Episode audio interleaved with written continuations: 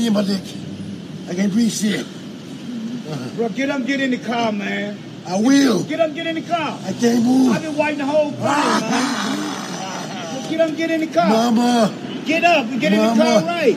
I can't. They gave y'all the opportunity to get in, bro. I told you you can't win. My knee. You can't My neck. win, man. I'm through. I know you a nigga, you didn't listen. Uh. George Floyd!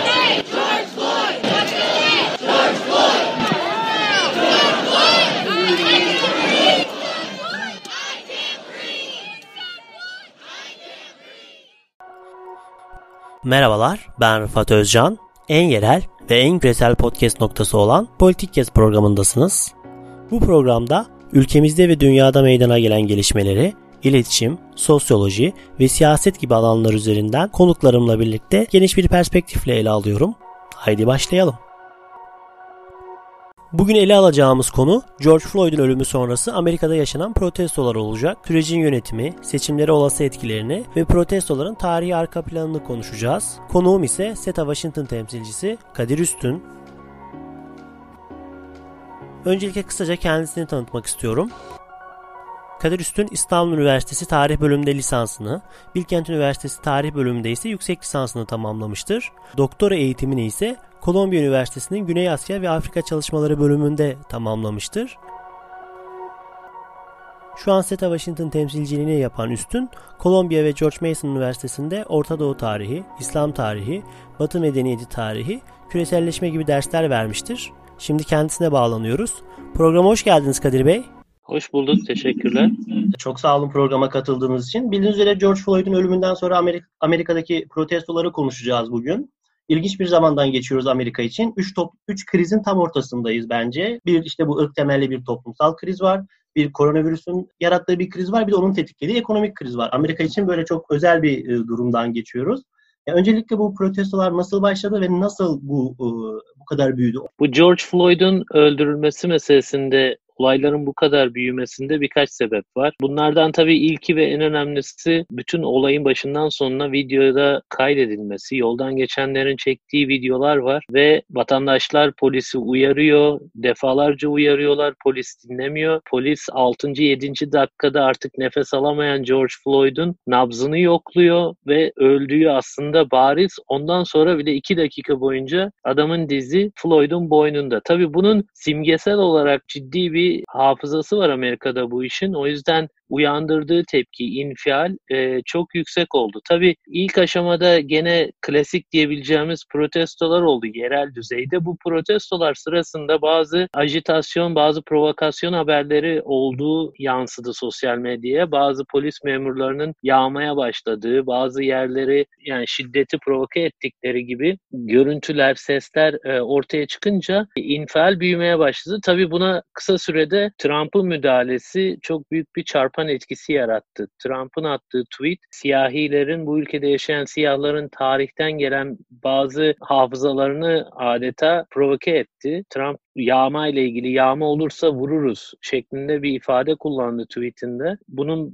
ciddi bir geçmişi var siyahlar açısından. Dolayısıyla kısa sürede bu büyüdü, birçok şehre yayıldı, dünya çapında da gösteriler yapıldı. Yani bu anlamda aslında olayların halka mal olmasında sosyal medyanın da kritik bir rolü oldu. Videonun böyle kısa sürede yayılması. Ama Trump'ın olması ve Covid-19 meselesinin olması bir yandan devam eden bir kriz. Bunlar hepsi üst üste binince biriken bir enerji vardı. Bu patlama noktasına geldi ve federal hükümetin özellikle bu konuda bu konuyu nasıl yaklaşacağını aslında stratejisini belirleyememiş olması, dağınık bir biçimde konuya yaklaşması da iyice olayın çığırından çıkmasına sebep oldu. Protesto ve şiddet ilişkisini sormak istiyorum. Siz de yazınızda değinmişsiniz buna. Yani işte siyahiler biz şiddete başvurmadıkça e, dikkate alınmıyoruz diyorlar. Yani biz bu bu bir çelişki değil mi? Bunu nasıl izah etmeliyiz? Dediğim gibi bu işin uzun bir geçmişi var. Yani Amerika'nın kurulma anından itibaren siyahlarla ilişkisi enteresan bir ilişki. Yani bu ülkenin bu kadar zenginleşmesinde, gelişmesinde özellikle güneydeki e, tarım ekonomisinin temelinde kölelik yatıyor. İki buçuk asır falan sürmüş. Sonra kölelik bitince 1960'lara kadar yaklaşık e, 100 yıl civarında bir ayrımcılık dönemi var. Siyahlarla beyazların birçok eyalette özellikle güney eyaletlerinde toplumla teoride eşit ama ayrı yaşamaları söz konusu. Şimdi siyahların bu ülkedeki tarihine baktığınız zaman şiddetle dolu aslında. İlk anından itibaren kölelerin e, emeği, işte daha sonraki ayrımcılık dönemindeki linç, işte toplumdan ayrı tutulma. Yani siyahlar bu ülkede e, hiçbir zaman aslında şiddetle çok ayrı düşünülür bir toplum olmadılar. O yüzden şimdi kendilerini savunurken ki sadece bugünkü savunanlar değil biliyorsunuz 1960'larda Malcolm X, Muhammed Ali, Martin Luther King tabii şiddetsiz bir direniş çağrısı yapmıştı ve başarılı da olmuştu ama hep şu unutturulur Amerika'da yani şiddetsiz direniş, e, sivil direniş, direniş kelimesi biraz e, kenara atılır orada. Hep sivile vurgu yapılır, hep şiddet olmamasına vurgu yapılır ama aslında Martin Luther King'in söylediği sivil direniş, sivil itaatsizlik hareketinde direniş çok merkezi bir yer. Şiddet dışı olmasını hep vurgularlar. Amerikan ana medyası veya okulları, eğitim sistemi. Bak ne güzel işte Martin Luther King şiddetsiz başarıya ulaştı gibi. Ama şiddetsiz direniş bir direnişin bir yöntemi olarak kabullenmişti buna. Dolayısıyla şiddetle sivil itaatsizlik arasındaki ilişkinin çok iyi anlaşıldığını düşünmüyorum açıkçası. Tabii bunu bunun ırk ilişkilerine bakan e, akademisyenler, teorisyenler bunları bu meseleleri biliyor ama ana akım okul, medya vesaireye baktığınız zaman sanki şiddet bu işin bu ülkenin hiçbir parçası olmamış bu ırk ilişkilerinde gibi bir bir yaklaşım var. Bu protestolar ilk değil biliyoruz. Yani işte sizin bahsettiğiniz 60'lardaki sivil haklar protestoları var. 90'ların başında yine büyük bir protesto dalgası var. Bir de en son 2014'te Ferguson olayları var. Ve biz şimdi de bunu yaşıyoruz.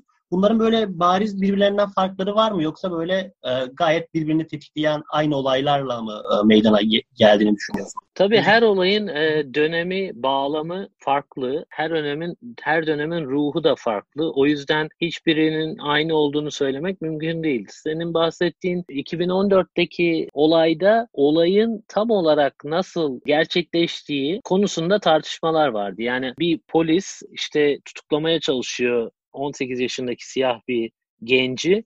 O ön, o kaçıyor ve e, suça dahli var yanlış hatırlamıyorsam. Kaçıyor ama ondan sonra dönüp teslim oluyor. Ellerini havaya kaldırıyor ve vuruluyor defalarca. Ama polisin hikayesi hayır ellerini kaldırmadı bana karşı koşuyordu falan diye. Burada net bir video vesaire olmadığı için o biraz tartışmalıydı ve oradaki protesto yerel kaldı. O anlamda hani konuşmamızın başında klasik bir protesto olarak başladı dedim ya. Yani siyahların aslında gündelik hayatının bir parçası bu tür. Polis şiddetine maruz kalmak, polise dikkatli olmak birçok bir şeyi var. Onun kültürel bir altyapısı var siyah toplum açısından. Ama bu sefer farklı olan şeyleri başta da ifade ettiğim gibi yani bu işin tamamıyla kameraya yakalanması ve o beyaz polisin tavrı 9 dakika boyunca Floyd'un ensesinde boğazına basarak oturması ve o adamın hani nefes alamıyorum defalarca yalvaran e, sözleri ve videolar çıkan videoların hiçbirinde Floyd'un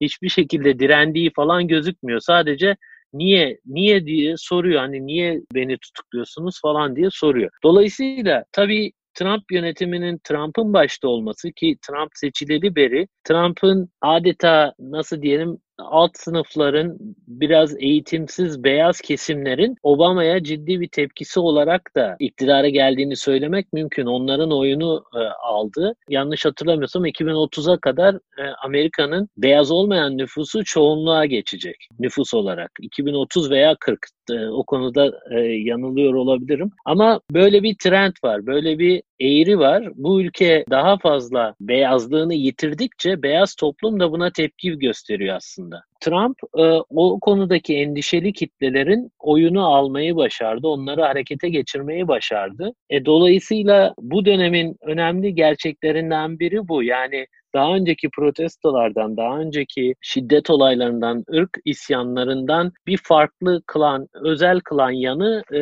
bu bağlam olduğunu söylemek mümkün. Yani bahsettiğimiz gibi yani de, tekrar ilk, ilk defa e, yaşanan bir olay da değil bu. Yani defalarca bu polis şiddeti tekrarlanmasına ve ölümler gerçekleşmesine rağmen bu sorun bir türlü çözülemiyor. Yani bu e, bir kronik bir sorun Amerika için. E, sizce bunun altındaki kök neden ne ve çözülebilmesi için hangi adımlar atılabilir? İşte polis yasasını değiştirilebilir diye siz de yazmışsınız. Yani başka şeyler de olabilir diye. Tabii şimdi bu sorunu e, çözmek kolay değil. Yani ben o hafta sonu başka bir yazım daha yayınlanacak. Şimdi kölelik döneminden ve ayrımcılık döneminden kalan sosyoekonomik bir altyapıdan bahsediyoruz. Bunun oluşturduğu bir zihin dünyası var. Bunun oluşturduğu bir kültürel arka plan var.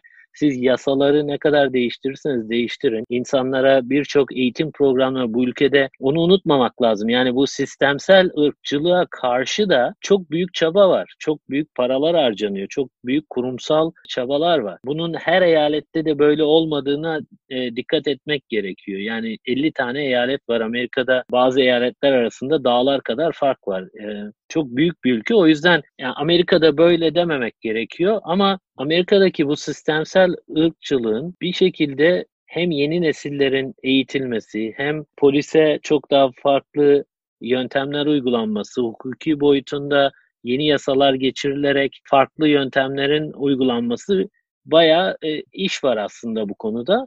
Ama e, bugünden yarına değişeceğini düşünmüyorum. Uzun sürecek bu e, siyahların mücadelesi. Bu toplumda eşit, işte adil bir muamele görmeleri kolay olmayacak. Amerika'daki sistemsel ırkçılığın e, başta konuştuğumuz gibi yapısal, tarihsel birçok sebebi var. Ama bunun ötesinde beyazların kendilerini bu toplumda nasıl konumlandırdıkları ile ilgili bu ülkenin sahibi görmeleri, işte yabancılara karşı bu sadece tabii siyahların bir problemi değil. Diğer azınlıklar da var. Latinler var, Latinolar var. İşte Müslümanlar var. Farklı e, dini ve etnik gruplar var.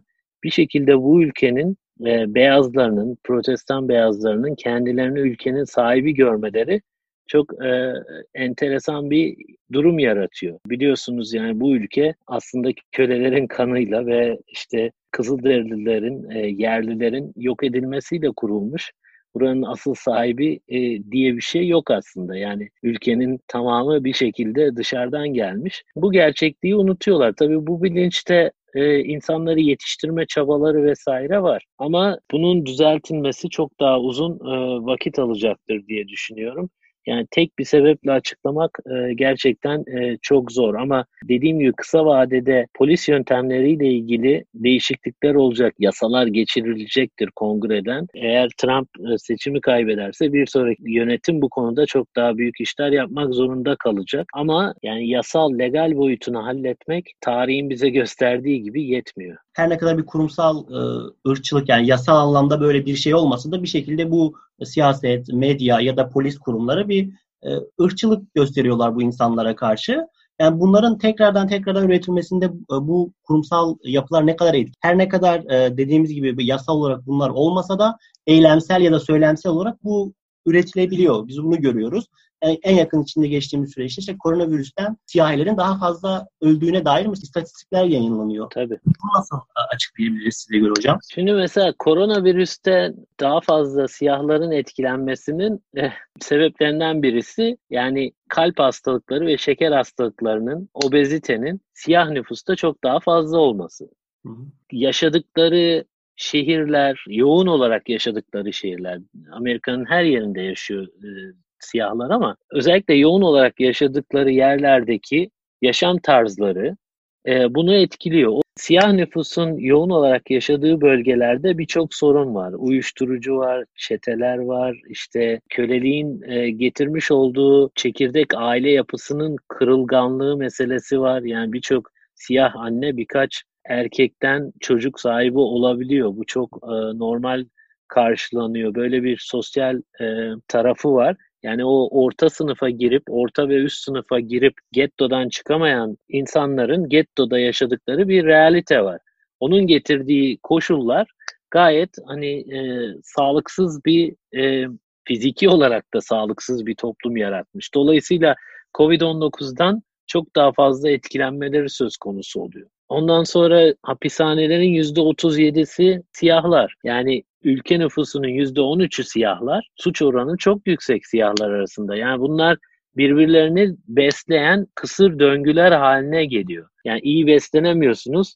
Dolayısıyla suça yöneliyorsunuz. Suça yöneldiğiniz için işte ne bileyim uyuşturucu bağımlısı oluyorsunuz. Sağlığınız daha kötü oluyor. Sigortanız yok vesaire vesaire. Şimdi bunu tabii ülkenin siyahlarının hep böyle yaşadığını düşünmemek gerekiyor.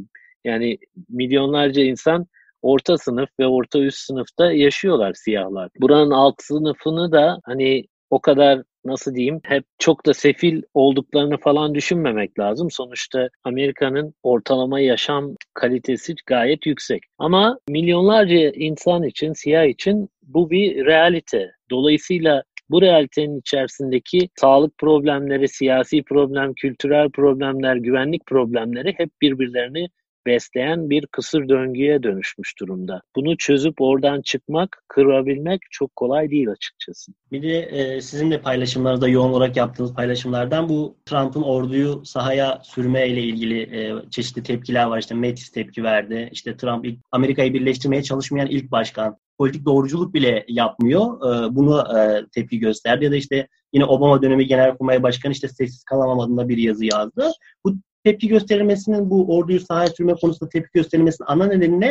Ve bu tepkilerinde size göre haklılar mı? Şimdi anayasaya göre e, Amerikan ordusunu kendi halkınıza karşı kullanamıyorsunuz. Yani Amerikan vatandaşlarına karşı öyle bir iç güvenlik yetkisi yok. Sadece 1807'de geçirilmiş bir yasa var. Bu yasaya göre iç isyan olması durumunda işte ordu kullanılabiliyor veya ordunun birlikleri kullanılabiliyor. Dolayısıyla Amerikan askerinin içeride sahaya inmesi, sivil vatandaşın güvenliğini sağlamaya çalışması teoride en azından Amerika için çok yeni bir şey veya nasıl diyelim onu ulusal muhafızlar üzerinden yapıyorlar. Ulusal muhafızlar yarı asker yarı sivil topluluklar ve bunlar eyaletlerin polisin işte halledemediği durumlarda devreye giren ve ordudan kaynaklarını alan yarı sivil yarı asker bir organizasyon ve bunu bunları devreye sokmak eyaletlerin kendi tercihi, kendi yetkisi alanında. Bu durumda ne oldu? Başkan e, kendisinin yetki alanında olan orduyu ki dış güvenlikten sorumlu ve savaşlardan işte sorumlu iç güvenlikte böyle bir şey yok. Daha önce orduyu biliyorsunuz Meksika sınırına duvar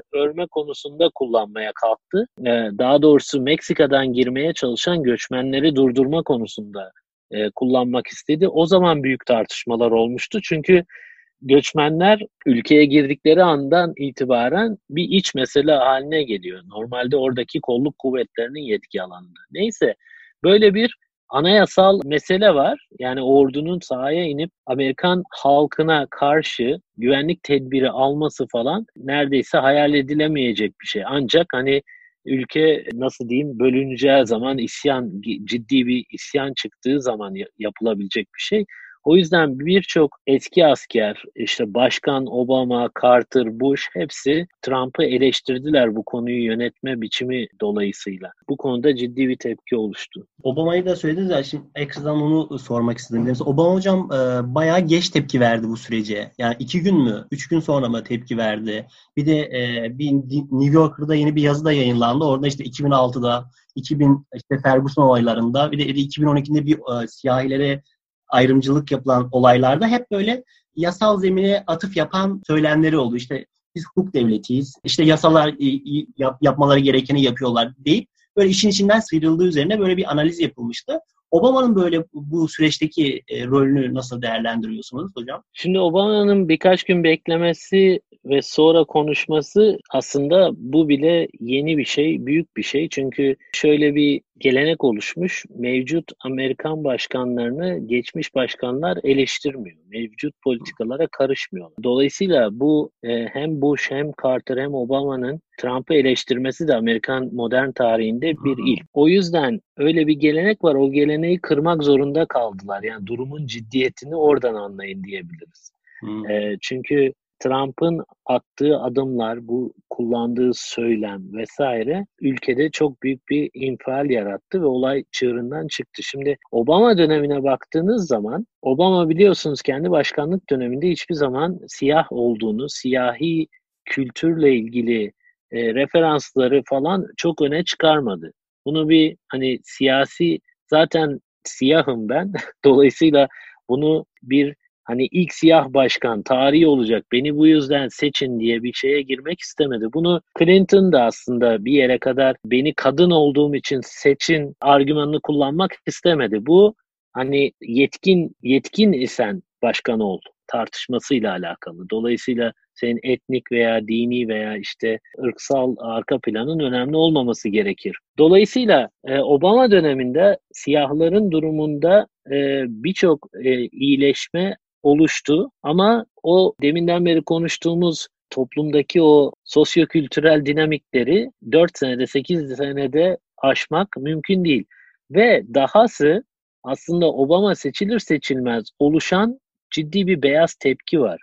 Obama'nın belki en fazla eleştirilmesi gereken yerlerden birisi kendisine karşı oluşan beyaz tepkiyi farkındaydı tabii. Bunu aşmaya çalıştı ama bununla ilgili ciddi bir şey yapamadığını görüyoruz. Yani aslında Trump'ı iktidara taşıyan dinamiklerden birisi de Obama'nın başkan olması. Tabii Obama şunu diyecek yani ben siyahım ve başkan seçildim. Yani ne yapayım şimdi insanlar hani rahatsız oluyorsa ama bu bir gerçek yani ciddi bir beyaz tepki doğdu. O beyaz tepkiyi sezen, koklayan, onun üzerine siyaset yapan Trump ve Trump'a benzer muhafazakar cumhuriyetçiler Obama döneminde ciddi bir güçlenme dönemine e, girdiler. En azından demin dediğim e, kesimler adına yani nispeten az eğitimli, beyaz, erkek e, kesimler arasında. Son olarak da Kasım seçimlerini sormak istiyorum. Yani Trump'ın bu süreçte e, kiliseyi ziyareti oldu, sert demeçleri oldu. Yani bu süreçte Trump'a yani Kasım ayında nasıl yarayacak veya yaramayacak? Tam e, aksi bir etki mi yapacak onu bilmiyoruz. Bir de yani Kasım seçimlerinde sizin de yazınızda belirttiğiniz üzere yani siyahilerin daha fazla sandığa gitme olasılığı var ve Amerikalı seçimlerinde de yani yüzde kırklarda bir katılım var ve sandığa götüren kazanabiliyor neredeyse ve sandığa gitmeyenlerin çoğunluğu da sandığa giderse demokratlara oy verili, verebileceği öngörülüyor genel olarak da. Yani Kasım seçimlerinde Biden mı Trump mı? Ya olumlu ve olumsuz olarak e, nasıl etkileyecek bu süreç onları? Şimdi e, bu süreçten ben siyasi yara aldığını düşünüyorum Trump'ın. Bugün ve dün okuduğum bazı kamuoyu yoklamaları var orada da gösteriyor. Tabii bunun Kasım'a daha gene bir 5 ay var. Ee, nasıl yansıyacağını kestirmek kolay değil. Yani bundan sonra kriz olabilir. Bu olay nispeten unutulabilir. Bu bir dinamik. Diğer bir dinamik de hangi eyaletlerde kimlerin mobilize olduğu meselesi. Amerikan seçimleri biliyorsunuz 10-12 kritik eyalette aslında gerçekleşiyor. Delege sisteminden dolayı. Yani doğrudan en fazla oy alan seçilmiyor Amerika'da. Dolayısıyla 10-12 eyalette yarış devam ediyor ve sonunda 3-4 eyalete kalıyor yarış. O eyaletlerdeki durum önemli ve o eyaletlerde geçen sefer Orta Batı tabir edilen yerlerdeki işlerini kaybetmiş, fabrikaların kapandığı, küçük yerlerdeki beyazların sandığa gitmesi, mobilize olması önemliydi Trump adına. Şimdi oralarda çok büyük siyah nüfus yok açıkçası. Bazılarında var tabii ama siyahların mobilize olacağı Carolina, gün, Kuzey ve Güney Carolina eyaletleri mesela oralarda etkili olacaktır. Ama eğer beyazlar bu şiddet olaylarına karşı ciddi bir tepki göstermeye kalkarsa Trump'ın lehine olabilir bu. Dolayısıyla şimdi beyazlar arasında siyahların gösterilerine, şiddet olaylarına, bu işte yağma olaylarına biriken veya oluşan tepkinin boyutunu, şiddetini ölçmek kolay değil. Çünkü bunlar kamuoyu yoklamalarına konuşmayan kitleler, bir kısmı en azından. Dolayısıyla o e, geçen seçimde yaşadığımız gizli Trumpçı meselesi tekrar gündeme gelebilir. Ama ben buna rağmen özellikle Covid-19'da yaşanan işsizlik meselesi biliyorsunuz Amerika 40 milyon e, istihdam kaybına uğradı. Biraz toparlanma var ama şu an resmi rakamlara göre %13.3 işsizlik. Bu tabii geçici işten çıkarılanları da koyduğunuz zaman çok daha fazla bir rakam. Belki %18'lerde falan. Bu açığı Kasım'a kadar kapatması neredeyse imkansız. Yani aşı bulunması için sene sonu beklenecek. Dolayısıyla Kasım'a doğru diyelim ki hadi diyelim çok iyi ihtimalle bu 40 milyonun 20 milyonu yeniden iş bulmuş olsa, işlerine dönmüş olsa bile işsizlik çok büyük bir problem olarak devam edecek. İnsanlar tabii Covid'den dolayı Trump'ı sorumlu tutmuyorlar ama Covid sürecinin yönetilmesinden sorumlu tutuyorlar. Daha doğrusu yönetilememesinden veya kötü yönetilmesinden.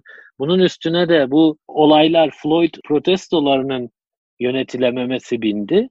Dolayısıyla Trump'ın bundan sonra işi çok zor olacak bence. Kasım'da e, kazanması açıkçası bugün göründüğü itibariyle zor gözüküyor. Ama dediğim gibi 5 ay var.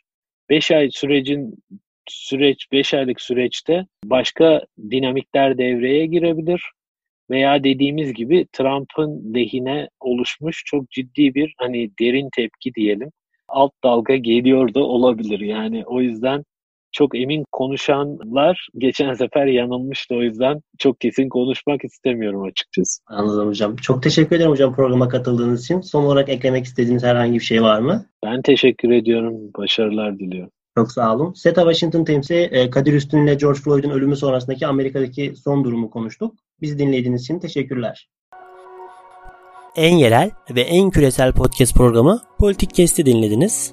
Bizi Spotify, Apple, Google Podcast üzerinden ve sosyal medya hesaplarımızdan takip etmeyi unutmayın.